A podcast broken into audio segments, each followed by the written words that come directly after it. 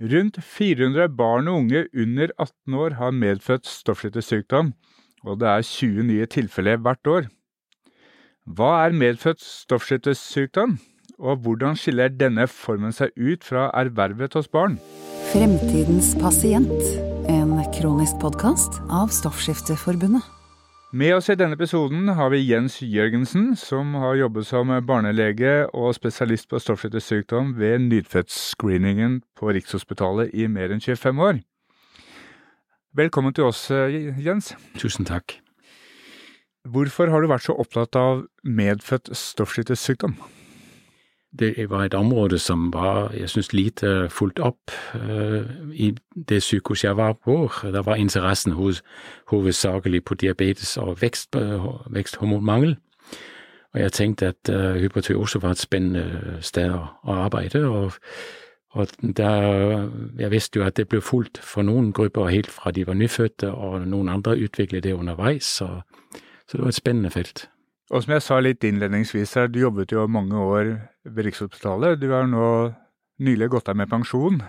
Vi har invitert deg hit fordi at du er en som kan veldig mye om eh, medfødt. Og eh, kan du si noe om eh, hva er medfødt stoffskiftesykdom hos barn? Altså Medfødt stoffskiftesykdom hos barn, det er jo en, oftest en, en feil i uh, skjoldbruskkirtelutviklingen. Sånn at uh, det er den hypp, formen, det er den vi kaller primær uh, hypotyreose, sånn at hvor det er skjoldbruskkirtelen som på en måte er syk. Det, der finnes også sentrale former hvor, som foregår dels i hypofysen, oppe i hypotalamus, oppe i hjernen.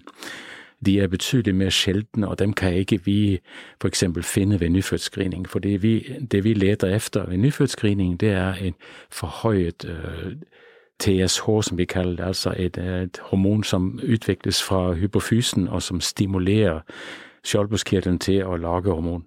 Mm. Det er det vi leter efter i nyfødtscreening. Og det er forskjellen er jo det at de har hatt den sykdommen fra de, de er født med det problemet. De er ikke altså noe som er utviklet underveis som ervervet hypotyreose, hvor, hvor man ser at det blir en, en, en en selvdestruksjon av skjoldbruskkirtelen som gjør at du får en, en, en nedbrutt øh, funksjon av, av, av skjoldbruskkirtelen. Så det er en helt annen type tenkning, egentlig. Men De barna som har medfødt hypotyreose, de er fullt fra nyfødtperioden. Foreldrene har vært fulgt opp i mange år, i det, sånn at det er, ikke, det er ikke noe som oppstår i skole eller senere, som plutselig må en masse informasjon. Mm. Så det er en helt, på en litt annen type måte å tenke på, men det er oftest derfor mindre symptomer knyttet til medfødt hypotyreose. Mm. Så det er nok en, en, for de aller fleste nok en mer hyggelig på en måte, sykdom enn en ervervet hypotyreose. Mm. Ja. Ja, for vi har også et, uh, Tidligere i denne podkasten så har vi også hatt uh, gjester som uh, er voksne og har ervervet lavt. Altså ervervet vil jo da si at du får det etter fødsel. Ja. Altså det er ikke medfødt. Ja. og da har vi vært inne på hvilke symptomer de kan ha. og det har jo ofte handlet om at du har mindre overskudd og mindre energi, så du orker mindre, for å si det litt enkelt. Da. Hvordan er dette hos barn? Nei, Det ytrer seg veldig forskjellig. Det som er litt sånn spesielt, det man tenker etter læreboken, så skal man jo, når man får en ervervet hypotyreose, så, så, skal man jo ha en periode hvor man på en måte ødelegger skjoldbruskkirtelen med en, en betennelse. Og Skjoldbruskkirtelen inneholder store depoter av ferdig skjoldbruskkirtelhormon. Og når man ødelegger kjertelen, så er det som man knuser og druer. Altså, der, der siver det ut i blodet, og så mm. gir det tilsynelatende et for høyt stoffskifte en periode hos noen. Mm. Og så, men gradvis som du tømmer de der boblene der, så blir det jo åpenbart at, uh, at du mangler det, fordi du har ødelegger i kjertelen. Og dermed så vil du gradvis synke ned i et lavt stoffskifte. Og den prosessen kan noen greier på en måte å kompensere ved å lage flere celler, og skjoldbruskkirtelen vokser. De får det vi kaller en stryme, altså et, et forstørret kjertel. Mm. Og så på den måten holder en balanse at de ikke trenger behandling. Og Det er, de, den ene siden av saken. Og så har du de andre som utvikler veldig rask lavt stoffskifte med mye spetakkel og mye sykdom og mye nedsatt følelse. Ja, sykdomsfølelse, virkelig. Mm. Uh, og, og, men, så det er, det er, stort, det er en stor spredte i, i symptomutvikling. Noen har det veldig alvorlig og har full, full fart, og andre mm. har det mye mer de nesten kan balansere det. Mm. Mm. Øh, så, så, men det er, det er jo en, en, en, øh, betændelsesproces, du udvikler i skjoldbeskætten, som gør, at du bryter ned skjoldbeskætten gradvis. Og det, det går jo ikke øh, anonymt for seg. Nej, nej. Og selvom du regulerer dine hormoner, og du supplerer med tabletter og hvad du gør, så vil du fortsat en betændelsesproces i tillegg over en tid. Mm. Mm. Og den tror jeg ikke, man, man øh, lægger så mye mærke til, i hvert fall som, som behandler.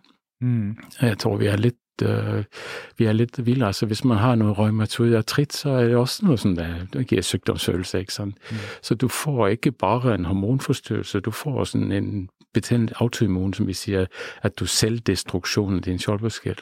Ja, for uh, uh, hvor mye vet man sånn generelt da, om årsaken eller årsakene til stoffskiftesykdom? Hva er det man vet, og hva er det man er mener man mangler å vite for å ha det hele bildet? Jeg tenker, jeg tenker det er mye vi ikke vet ennå. Mm. Altså, ervervet skjoldbeskjeldsykdom det er oftest det man regner med at det er en utløsende årsak. Mm. Og det er oftest det vi tenker kan være en viral sykdom, eller kan sette ting i gang, og så at så der, kroppen lager et, et angrep imot den virussykdommen, og så er den så lik de viruselementer, overflateelementer, de er så like øh, overflateelementer overfladeelementer, mm. at de, der angrepet du gjør mot virusen, den, det angrepet blir på en måte villedet til å angripe din egen, egen skjoldbuskirtel. Ja, og så Det er da vi snakker om autoimmun, når angriper Det er den mest alminnelige øh, ja. kroniske formen, ikke sant? ja. den som du har resten av livet. Ja.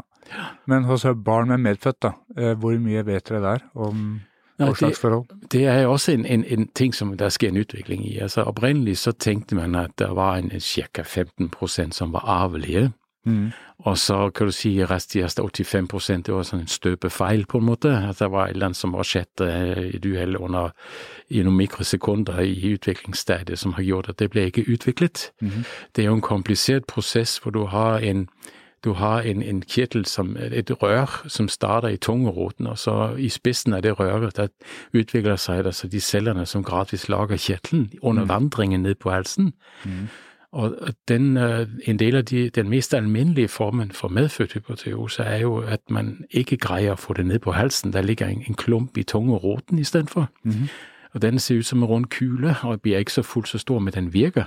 Mm. Den har litt dårligere blodforsyning, men den virker faktisk som en skjoldbruskkirtel og kan være beskyttelse for en del av de barna som får medfødt hypotyreose. Mm det er veldig delikat vandring ned på halsen i fosterlivet. Det, jo mer man forsker på det, jo mer vil man sikkert se at det er egentlig også genetisk styrt. Mm.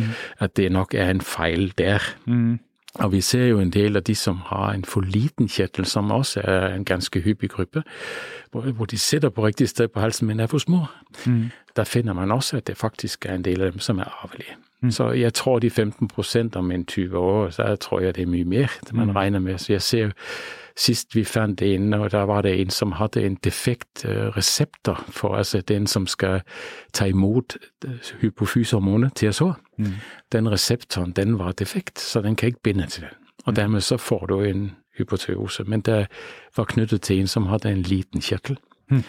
Så, så, der tror man jo i utgangspunktet det er den lille liten kjertel som gjør at den ikke fungerer, men det kan være arvelig likevel. Så jeg tenker det arvelige momentet øker med årene. Ja.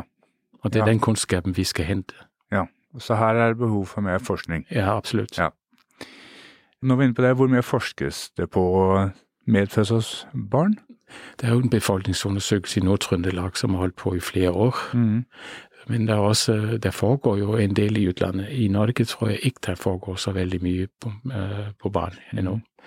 Altså For å øke kvaliteten på nyfødtscreening, så ønsker vi på en måte å vite hvor mange av dem vi meldte ut, virkelig fikk sykdommen. Altså hvor mm. mange meldte vi ut falsk, som egentlig var friske. Mm.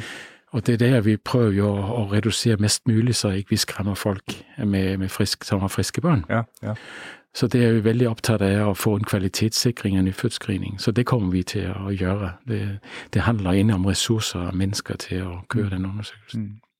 For nå er vi da inne på nyfødtscreening, den avdelingen på Rikshospitalet du eh, jobbet ved. Mm. Eh, Når var det man begynte med nyfødtscreening av barn i starten? Det var på slutten av 70-tallet. Okay. Det kom som nummer to. Altså, vi startet med følgingssykdom i, på 65, mm. uh, 1965, og så startet vi nok i slutningen av 70-tallet med, med nyfødtscreening for medfødt hypotyreose. Ja. Mm. Og nå er det vel over 20 sykdommer, er det ikke det, som man screener 26. for? 26. Ja. Hvordan gjør man en nyfødtscreening? Det er en, en screening som foregår med at man tar en alle nyfødte får øh, tatt en prekk i hælen, og så drypper man øh, bloddråpene på sånn et filterkort. Mm.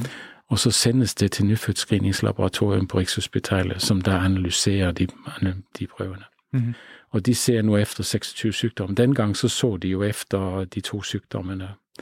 Og der vil vi, hvis vi finner et, et TSH-nivå som er over vores øh, alarmgrense, mm. så vil vi jo varsle den ut. Mm.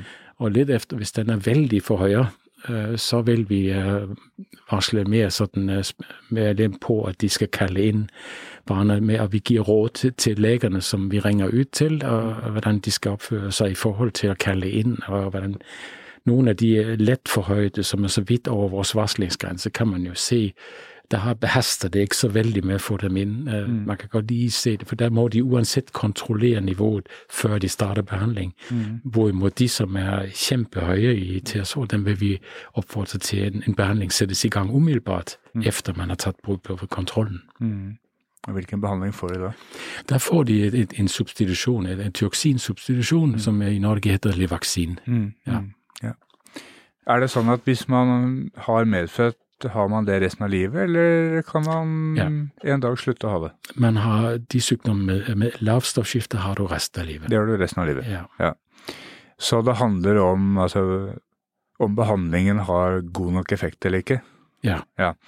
Og vi har også tidligere her i podkasten vært inne på de tilfeller hos eh, de som har ervervet eh, og er voksne, eh, og også barn og ungdom som har ervervet, hvor behandlingen ikke er optimal. Mm. Hvordan er det for medfødte hos barn?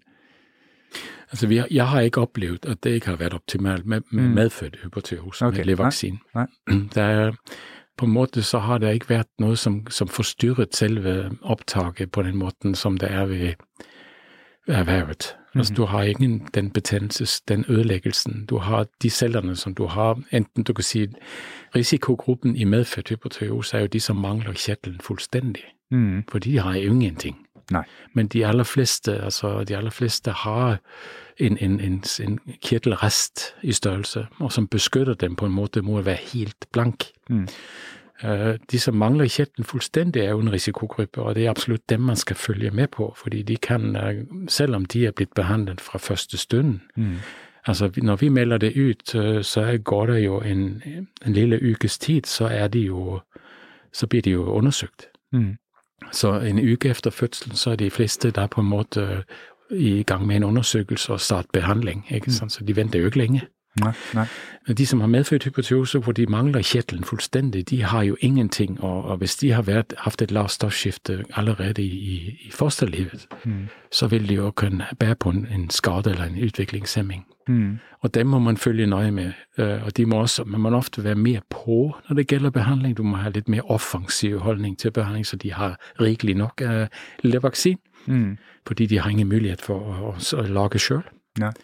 Og det kan jo være sånn at det kan være at Derfor er selv en gruppe man må følge opp, og det kan også være sånn at man må koble PPT på. Man altså må tenke skolesammenheng, man må samarbeide med barnehage og helsestasjoner og se hvordan at de får støtte de trenger. Ja, for da er vi også litt inne på en måte dit jeg ville videre nå, og det er jo hvordan er det i hverdagen?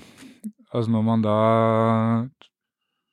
har begynt å vokse til da, som barn, og man kommer i barnehagen etter hvert, og det er lek med andre barn, og sosialisering og språkutvikling, og man skal forholde seg til nye voksne, og så kommer man etter hvert på skolen, og måtte alle trinnene oppover. Med din erfaring, hvordan er det for barn med medfødt uh, hypotyreose? Går det bra, eller har de Eller kan de ha utfordringer som andre barn ikke har? De, de kan det, men de aller, aller fleste har det jo bra. Mm. Og, og det som er clouen, er jo at man, netop altså i kraft, at du ikke har den her betændelsesprocessen, som mm. de ervervede har, så er det jo et spørsmål om å supplere et behov, øh, konkret øh, mm. hormonbehov. Mm. Og, og der er ikke noen overraskelser. Det er, kjertelen er den den er. Mm. Den, den, blir ikke mindre eller noe sånt. Mm. Så vi vet, vi vet, ganske raskt hvor mye der skal gis, og så blir det justert efter vekst. Altså vekt og, og Altså er det sånn at det går på overflate og fyller, ikke sant. Det vil si hvis du blir lang og tynn, så må vi justere det. Så man, mm. det handler om å justere en levaksindose, og det mm. gjør vi uh, i, i, starten oftere, fordi der vokser man raskere. Mm. Senere hen der kommer man inn i en stabil vekst, og der kan man jo nøye seg med halvårlige kontroller. Mm. Og der må man justere, så man hele tiden har nok. Mm. Øh, det kan også være sånn at du i skolealder driver med aktiviteter som du kanskje ikke ellers ville ha gjort. Da må man også tenke på har du dekket ditt behov for det. Mm. For skjoldbruskkirtelen er noe man bruker. De hormonene bruker man jo. Mm. Så man må sikre seg. altså Det er ikke sikkert hvis du har en, en, øh, en rolig fase i det, så du ikke driver med noe, så plutselig finner du skal gå Birken. ikke sant? Det er jo en helt annen sak. da må du være rustet til det. Ja, ja. Uh, men, så, men, i skolesammenheng så tenker jeg at barna de tar sine tabletter om morgenen. Mm de aller fleste. Noen tar den om kvelden, men det er ikke sånn at det forstyrrer dine aktiviteter ellers. Okay, så det, altså, det er ikke noe innvirkning på læring eller lek, sånn sett? Altså Den gruppen jeg nevnte med, som mangler kjertelen fullstendig, er mm. absolutt en risikogruppe. Ja. Og, og, der vil man nok få, uh, kunne se uh, utviklingshemming. Og må, de må følges opp. Mm. Men de aller fleste, den største gruppen som har en tungosektopi, de som har fått behandling fra nyfødtperioden, mm. de er jo oftest helt uten problemer. Ja. Så lenge de tar sin medisin. Ja. Men der kan du si i ungdomsårene så kommer du inn i en fase hvor, hvor du rebellerer mot det å ha kronisk sykdom. Det er urettferdig. Jeg har den sykdommen, jeg ikke kan gjøre hva jeg har lyst til. Og det mm. Og så opplever jeg også det at ungdommen kan bli engstelig for har jeg nå tatt tablettene, bli glemske, ikke sant. Mm. så, mm. så, kan det komme forstyrrelser. Mm. Og da er det viktig at man er tilgjengelig som lege, man kan støtte de og få det tilbake på sporet. Mm. Ja. Mm. Hvordan kan det være for ungdom å ha medfødt? Ja, det går jo på det at du gjerne vil mestre sjøl. Ja. Uh, og, og, og, det er ikke alle som, som klarer det uh, uten at de, de, de mister grepet fordi de Altså, du ved, når du kommer i ungdomsårene, så er det så mange ting som skjer parallelt, ikke sant, og der, og der kan det godt være du glemmer å ta tabletten. og så hvis du så har en rimelig stor dose, fordi du er en stor person mm. Så De her voksne gutter de kan være ganske høye og svære, og der får de ganske stor mengde elevvaksinen. Mm. Og da kan de godt bli engstelige for om de har tatt tabletten, for de vet de har en stor dose, og da kan det komme en del sånne utfordringer. Mm. Men, men det er jo også sånne hjelpemidler som de her dosettene som, mm. hvor man kan legge tabletter i og huske mm. at man har tatt det, og så kan foreldrene føre det. Og i regelen så er mamma og pappa på, mm. så de følger nøye med på det. Og jeg har også sagt at hvis de skal flytte til et annet sted og skal begynne å studere, så så er det viktig at, uh, at foreldrene fikse det med fastlege, og så får de heller fikse det med studiene. og så ta seg det litt på arbeidsprosessen. Mm. Men jeg tenker det, jeg ser et vakuum. Mange slutter jo oppfølgingen på, hos barnelege på 16 og 14 år. også. Mm. Jeg følger dem til de 18. For jeg tenker at det er der det begynner å surre for alvor med, med det ene og det andre. Da er det mm. greit, og jeg føler at de har et behov for oppfølging. Og, og, det er ikke sikkert at fastlegen er, er klar til å ta over der, mm. fordi de kanskje skal flytte et annet sted. Mm. Det var noe vi var inne på i forrige episode, altså den overgangen fra å ha barnelege til å få voksenlege, ja. eh, som også Line Sletner da snakket en del om. Eh, og at det kan være noen utfordringer der. Ja, altså Få den overgangen til å bli smidig. Men hvordan er det med oppfølging av foreldrene? Hva er det du pleier å si til foreldrene, eller har sagt til foreldrene? Altså, jeg pleier ikke å si så mye til foreldrene i telefonen. Nei. Øh, jeg pleier å si til foreldrene at vi har funnet en, en, en, et, et, den prøven vi har fått tilsendt med, med, barnet, med ditt navn og mm. barnets navn, mm. den har et for høyt nivå av TSH. Mm. Og jeg vil gjerne at det kommer inn og får det kontrollert. Mm. Mm. Og så når de kommer inn til kontrollen, der snakker vi om ting. Mm. Da har jeg dem foran meg, og da kan vi snakke, og da kan jeg gripe dem der med de spørsmål som dukker opp. Mm. Jeg mener det er en god praksis at man ikke legger ut vidt og bredt i en telefon og skremmer folk til å gå i Google og, lete opp mystiske problemstillinger. Så det er det jeg pleier å gjøre. Og så blir det jo tettere oppfølging det første året. Uh, I starten kanskje det kommer litt an altså Vi starter med en ganske kraftig dose uh, for raskt å få opp et ny, riktig nivå, og så må man raskt inn og så etter 14 dager justere ned dosen. Mm. Mm. Og så følger vi dem opp uh, en gang i måneden de første månedene, og så ser, inntil vi ser ting kurer, og at det er riktig barnet trenger medisin. For det må man også se at det her ikke var en forbigående problemstilling når du har en alvorlig sykdom i fødtperioden. Mm. Men er det en, et barn med medfødt hypotyreose, så, så, må vi følge, og så øker man antall måneder imellom etter hvert som man ser at det her går bra, mm. når dosen er stabil. Mm. Fordi fosterveksten den avtar jo gradvis de første årene. ikke sant? Så det blir jo, især de første sekundene vokser det jo voldsomt. Det, du blir jo ikke dobbelt din lengde senere i livet. Nei. Det, men hvordan er det altså Når foreldrene kommer inn i det, hvordan er det de pleier å reagere eller forholde seg til det? Er det noe Det er stor forskjell på hvordan folk reagerer på, ja. på det med sykdom. Ja. Og det kommer nok også så mye an på hvilke erfaringer de har med sykdom og, og selv. Mm. Altså, jeg tror det er masse som falker deg når du kommer inn det å komme hjem fra et sykehus og være glad for å ha overstått en fødsel, som kan være en stor prosess, øh, og så får du vite at barnet har en kronisk sykdom i tillegg, det er aldri noe særlig hyggelig. Ja. Og, og det, må, det, må, bearbeides, og, og, det tar tid. Og det som jeg sier uh, i nyfødtperioden om om det å ha altså det skal gå bra osv., det, det kan jeg si tusen ganger. Det, de må selv oppleve at det virkelig går. Jeg kan støtte dem underveis, de mm. kan, men da må de kjenne meg og ha tillit til at det jeg mener er riktig. Og, mm. Men du, du må nesten leve med det sjøl før du ser at det er riktig det jeg og sier til deg i nyfødtperioden. For det, det første året i hvert fall. Mm. Og det efter et år, så ser de, at der har de fundet en rutine, eller kanskje efter seks måneder har funnet en rutine, mm. og ser at det her fungerer jo egentlig veldig godt. Mm. Og de føler at de har kun Og så det å være tilgjengelig. Mm. Altså hvis det er noe der trenger noen spørsmål, så får jeg en telefon, og så ordner vi opp i det der, da. Mm. Ja. Har det vært noen uh, utviklinger så når det gjelder nyfødtscreeningen, hvordan har den utviklingen vært fra du begynte med det og frem til i dag? er det mulig å si noe om det? Det er, det er en voldsom utvikling. Det har vært en kjempereise. Ja. Uh, husk på, vi, vi satt Da jeg begynte, så var det jo to sykdommer jeg skrev. Jeg satt opp Jeg var jo den eneste doktor som var der på det tidspunktet. og jeg måtte jo bruke det i ferien også, sånn at jeg kunne sitte på Besseggen og ringe ut en forhøyt til så. Det har jeg prøvd. Men, men altså, etter, etter hvert som vi fikk mer penger til nyfødtscreening, så så ble det jo håp om at vi kunne utvide. For det var en masse sykdommer som presset på, da. Mm. især de metabolske, altså de som har hvor alle cellene på en måte i kroppen er syke av en eller annen sykdom, enten ved å omsette protein, eller omsette um, sukker, eller omsette fett. Uh, og det var det så i 2000 vi er det i løpet det, det, dette århundret, altså de første fra 2005 og 2008 opp mot 2008, der begynte vi jo å å sette sammen en, øh, et ønske om å få Vi søkte om å få utvidet nyfødtscreening til en rekke sykdommer. Mm. Og, og, det ble jo så Der var en, en komité som arbeidet med, som fikk ferdig en rapport i 2008, og den lå jo da og ventet helt til 2012. Før det endelig ble ferdig diskutert og kranglet litt om. Og så kom regjeringen og godkjente det, da. Og så fikk starta opp i mars 2012. Mm med utvidet nyfødtscreening på 21 sykdommer den gangen. Og så gradvis har det økt. Og vi har jo også vi har jo en annen hormonsykdom også, som binyrobak-hyperplasi, øh, altså forhøyet, forstørret binyrobak, hvor det er problemer med binyrobak-hormoner. Mm. Uh, og så har vi jo en, en, som sagt en lang rekke spesielle og veldig sjeldne sykdommer som er metabolske. Og så har vi cystisk fibrose også. Mm.